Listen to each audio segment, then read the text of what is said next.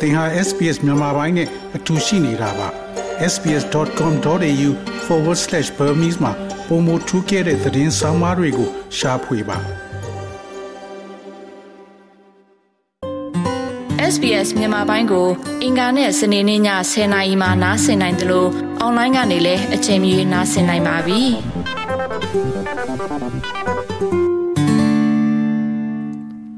တော်ရရှိမြခင်ဗျာ အရွယ်ရောက်ပြီးသူဖြစ်ခြင်းဆိုသည်မှာလက်တွေ့ကြသော အသုံးနှုန်းများတွင်ဘယ်အရာကို ဆိုလိုပါသလဲတရားဝင် အသက်ပြည့်ခြင်းမှ လူမှုဖူလုံရေးငွေပေးချေမှုများနဲ့အသက်အရွယ်ရလာမှုအမှတ်သားများကအရွယ်ရောက်ခြင်းမှသီးသာထင်ရှားသော ပြောင်းလဲမှုများကိုဆောင်ကြည့်လာနိုင်ပါတယ်ဥပဒေအရဩစတြေးလျနိုင်ငံသားများကို အသက်16နှစ်တွင် အရွယ်ရောက်ပြီးသူအဖြစ်သတ်မှတ်ထားပါတယ်။ Youth Law Australia ရဲ့အ ကြီးတန်းရှေ့နေ Kate Richardson ကထိုအသက်အရွယ်တွင် ဖြစ်ပေါ်လာတဲ့ပြောင်းလဲမှုကိုဥပဒေရေးရာအရအကျဉ်းချုပ်ဖော်ပြပေးထားပါတယ်။ across Australia, turning 18 and becoming an adult really means that your parents or guardians no longer have parental responsibility for you under the law. And as an adult, you're independent. So that means that you're responsible for yourself Australia and your behaviors. While you're under 18 years old, in some situations, the child or young person has reduced capacity under the law. သင်အတွက်တာဝန်မရှိတော့ကြောင်းကိုဆိုလိုပါတယ်။ ပြီးတော့လူကြီးတယောက်အနေနဲ့သင်ကလွတ်လပ်လာပါတယ်ဆိုလိုတာကသင်ကိုယ်တိုင်နဲ့သင်အပြုမှုအတွက်သင်မှတာဝန်ရှိတယ်လို့ဆိုလိုတာပါသင်ဟာအသက်16နှစ်အောက်ဖြစ်တော်လဲတချို့အခြေအနေများတွင်ကလေးသုံးမှုလူငယ်သည်ဥပဒေအရစွမ်းဆောင်ရည်ကိုရှော့ချပေးထားပါတယ်။ဩစတြေးလျတဝန်တွင်အသက်16နှစ်သည်လောင်ကစားနှင့်စိတ်လိပ်ဝယ်ခြင်းအတွက်တရားဝင်အသက်ဖြစ်ပါတယ်။ အရက်ဝယ်ယူမှုအတွက်လည်းတရားဝင်သက်ဖြစ်ပါတယ်။သို့သောအသက်16နှစ်အောက်များအတွက်ကိုယ်ပိုင်အိမ်များတွင်ရက်သောက်သုံးမှုစီမင်းသည်တင်နေထိုင်ရာပြည်နယ်နဲ့ နယ်မြေပေါ်မှာမူတည်ပြီးကွဲပြားနိုင်ပါတယ်။ Generally, the legal age to buy or drink alcohol in a licensed venue is 18 years old. Generally, it's against the law for someone under the age of 18 to drink alcohol on private premises, so that's at home or it could be at another person's house, unless the alcohol is supplied by a parent or guardian or someone who has been given permission by the parent or guardian. There are some small differences across different states and territories, especially about တရားဝင်အသက်မှာဆက်ရှင်နှစ်ဖြစ်ပါတယ်။ရေဘူးရအဖြစ်အသက်ဆက်ရှင်နှစ်အောက်တစုံတဦးသည်ပုဂ္ဂလိကနေရာများတွင်ရက်တောက်ခြင်းဟာဥပဒေနဲ့ဆန့်ကျင်ပါတယ်။အဲ့ဒါကသင်ရဲ့အိမ်မာလားဒါမှမဟုတ်တခြားသူရဲ့အိမ်မာလည်းဖြစ်နိုင်ပါတယ်။အရက်ကိုမိဘသုံးမဟုတ်အုတ်ထင်းသူမှ ခွင့်ပြုပါမှသို့မဟုတ်မိဘသုံးမဟုတ်အုတ်ထင်းသူမှ ခွင့်ပြုချက်ရရှိထားသူဖြစ်ရပါမယ်။ အထူးသဖြင့်သီးသန့်နေရာများတွင်အရွယ်ရောက်ပြီးသူရဲ့ကြီးကြပ်မှုအောက်တွင်အရက်တောက်ခြင်းနှင့်ပတ်သက်၍မတူညီသော ပြည်နယ်နှင့်နယ်မြေများတွင် ဥပဒေများကွဲပြားမှုအနည်းငယ်ရှိပါသည်။ Stephen Robert သည် Monash တက္ကသိုလ်မှပညာရေးနှင့်လူမှုရေးတရားမျှတမှုဆိုင်ရာပါမောက္ခဖြစ်ပါတယ်။ သူအထူးပြုသော သူသေသနာနေပေများထဲမှတစ်ခုဟာလူငယ်များရဲ့အရွယ်ရောက်ပြီးသူအဖြစ်သို့ကူးပြောင်းခြင်းပင်ဖြစ်ပါတယ်။အနေများသောရဲတောက်ခြင်းနှင့်ပတ်သက်လို့စိုးရိမ်သောမိဘများသည်၎င်းတို့ရဲ့ကလေးများကိုအနေများအကြောင်းပညာပေးရာတွင် ကောင်းစွာလှုပ်ဆောင်နိုင်တော်လဲလက်တွေ့ကြရန်လဲလိုအပ်တယ်လို့၎င်းကပြောဆိုပါတယ်။ key piece of advice, I think, is not to hammer too hard on the point of abstinence. Drinking, for example, is deeply ingrained in the Australian culture. It's quite normalized, and it would make not a lot of sense to impose a kind of flat out barring of engaging in practices that are so embedded in the culture, especially at a time when the young person is legally allowed to do so. ဥပမာအားဖြင့်အရက်တောက်ခြင်းသည်ဩစတြေးလျရဲ့ယဉ်ကျေးမှုတွေနဲ့နဲ့ဆိုင်ဆိုင်အမြင့်တွယ်နေပါတယ်။ ဒါကဩစတြေးလျမှာအတော်လေးပုံမှန်လိုဖြစ်နေပါတယ်အထူးသဖြင့်လူငယ်တဦးဟာတရားဝင်ခွင့်ပြုထားတဲ့အချိန်တွင်ယဉ်ကျေးမှုတစ်ခုအတွင်းမြုပ်နှံထားသည့်အလေးချိန်များတွင် ပါဝင်ခြင်းအားတားမြစ်ပိတ်ပင်ခြင်းမျိုးသည် အတိတ်ပဲမရှိပါဘူးပမောက္ခရောဘတ်ကအရွယ်ရောက်ပြီးသူဖြစ်သူကူပြောင်းရာတွင်မိဘများက၎င်းတို့ရဲ့ကလေးများကိုပံ့ပိုးပေးနိုင်တဲ့နီလန်းများထဲမှတစ်ခုဖြစ်သောကြောင့် တာဝန်သိစွာတောက်သုံးခြင်းအပါဝင်အကောင်းဆုံးအလေးချင်းကိုစံနမူနာပြရန်အကြံပြုထားပါတယ် So things like pacing themselves, getting the balance right, and openly discussing pleasure as well as the social and health consequences of things like drinking too much. And they might also want to talk to their kids about finding ways to look out for one another in their friendship group so they can cultivate um, peer group norms of respect and care. I think moderation and understanding and open communication is really important to understand လူမှုရေးနဲ့ကျန်းမာရေးဆိုင်ရာအကျိုးဆက်များကိုဆွေးနွေးသင့်ပါတယ်။သူတို့ဟာရွယ်သူအုပ်စုရဲ့လေးစားမှုနဲ့ဂရုစိုက်မှုစံနှုန်းများကို ပြုစုပြောင်းထောင်နိုင်စေရန်၎င်းတို့ရဲ့မိဖက်အဖွဲ့ဝင်တွင် အချင်းချင်းသတိပြုရမယ့်နီလန်းများကို ရှာဖွေရန်အတွက်သူတို့ရဲ့ကလေးများနဲ့လည်းဆွေးနွေးဖို့လိုပါတယ်။ထိန်ကြီးမှုနဲ့နားလည်မှုဆက်ဆံပြောဆိုခြင်းသည်အရေးကြီးသော အခိုက်အတန့်တွင်လှုပ်ဆောင်ရန်အမှန်တကယ်အရေးကြီးတဲ့ကိစ္စဖြစ်တယ်လို့ကျွန်တော်ထင်ပါတယ်။ကလေးတယောက်အရွယ်ရောက်လာခြင်းသည်ကလေးရဲ့မိသားစု လူမှုဖူလုံရေးအကျိုးခံစား권များရရှိနေတာကို ထိခိုက်စေနိုင်ပါတယ်။ ဝန်ဆောင်မှုဩစတြေးလျရဲ့အထွေထွေမန်နေဂျာ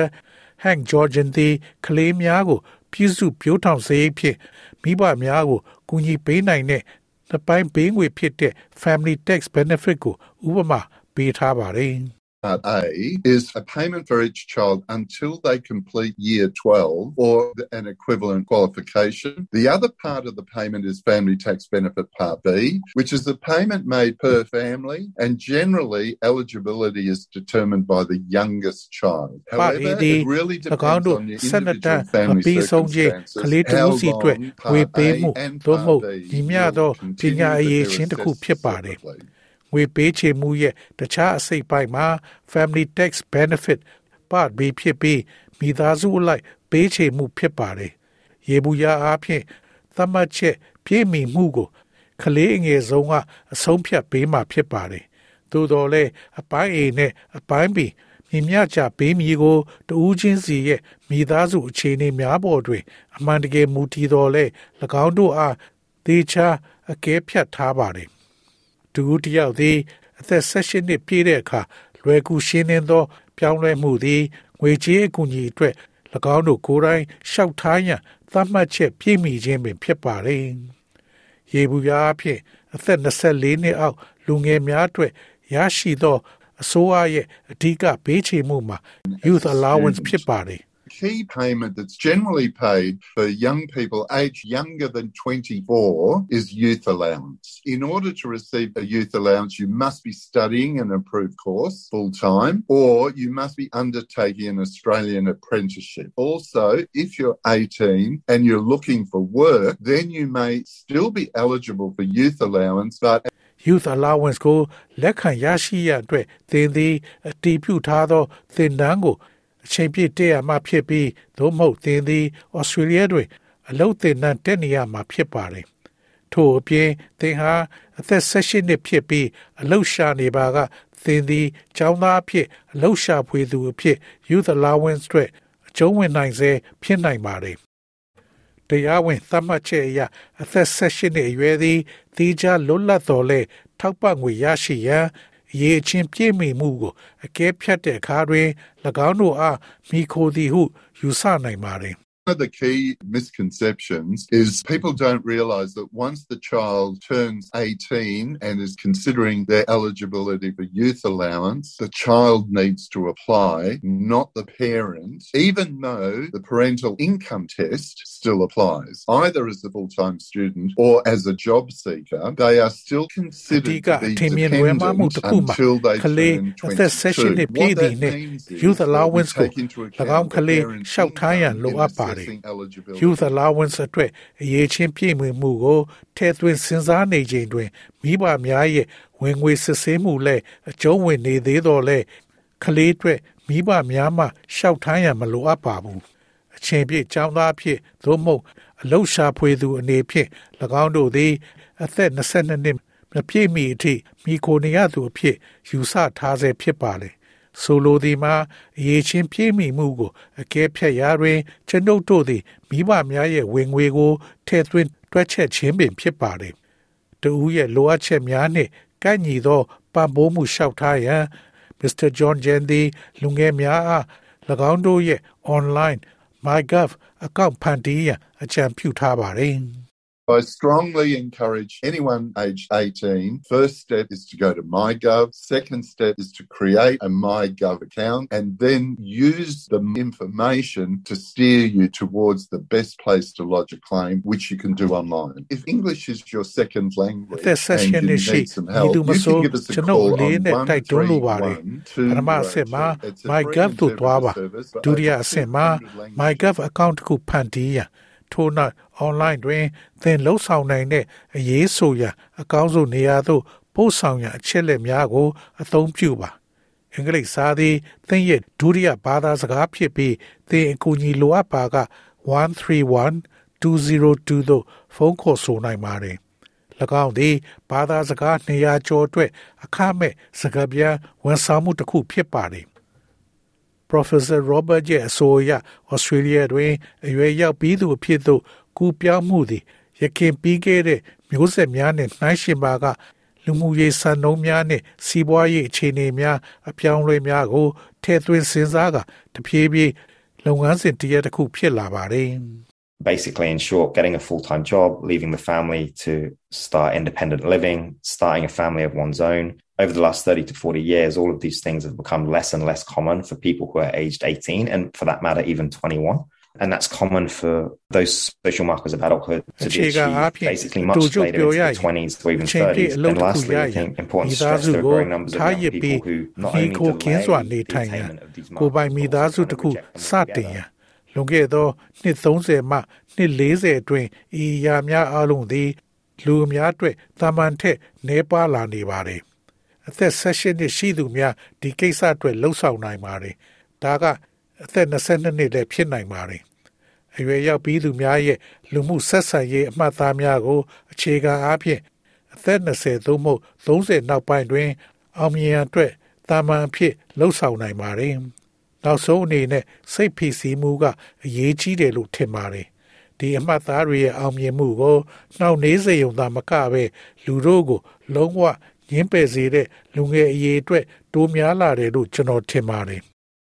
ဆက်ရှင်နေရွယ်မှတ်သားကိုရောက်ခြင်းသည်ဥပဒေရအချို့သောအရာများကိုလှုပ်ဆောင်ရန်အမြဲတမ်းမလိုအပ်ကြောင်း Mr. Richardson ကပြောဆိုပါတယ်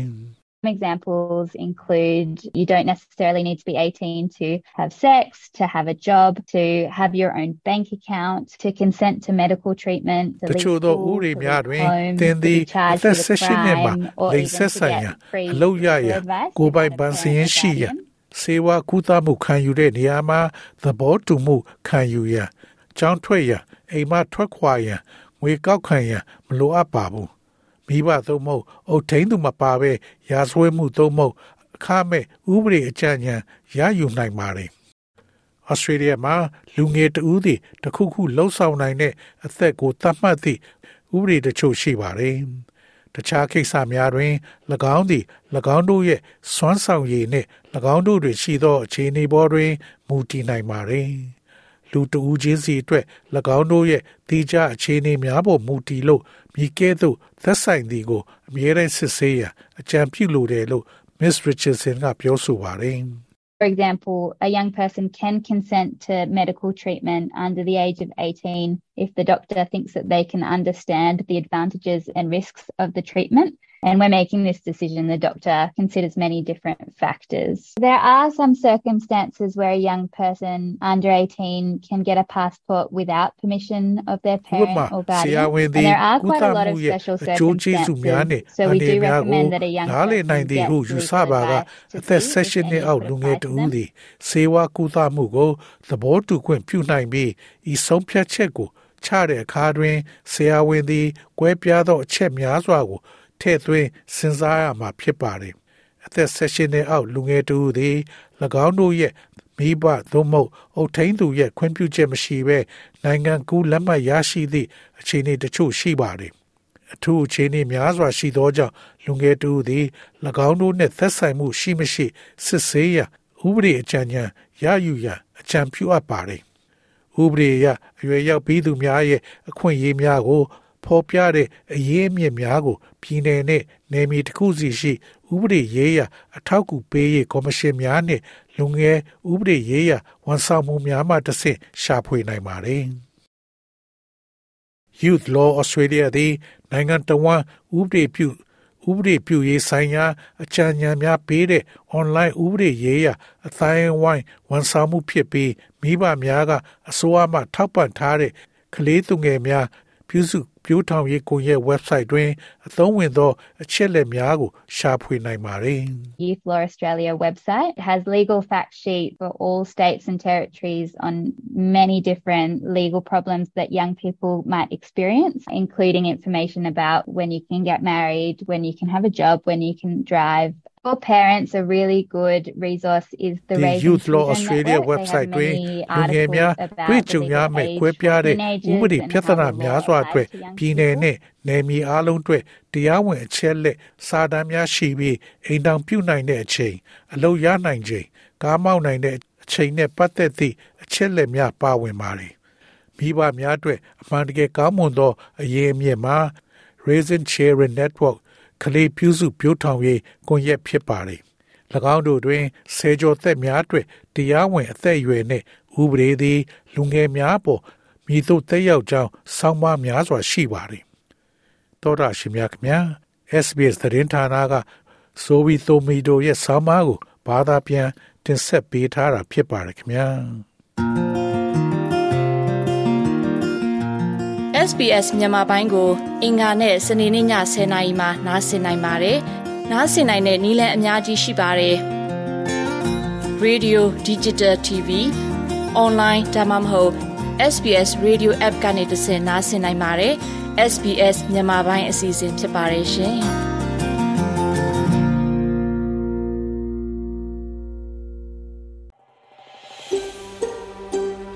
ဒါမျိုးသတင်းဆောင်မာတွေကို ပိုနားဆင်လိုပါလား Apple Podcast Google Podcast Spotify တို့မှာသင်ပင်ရာဖြစ်ဖြစ်ရယူတဲ့ podcast ကနေပါ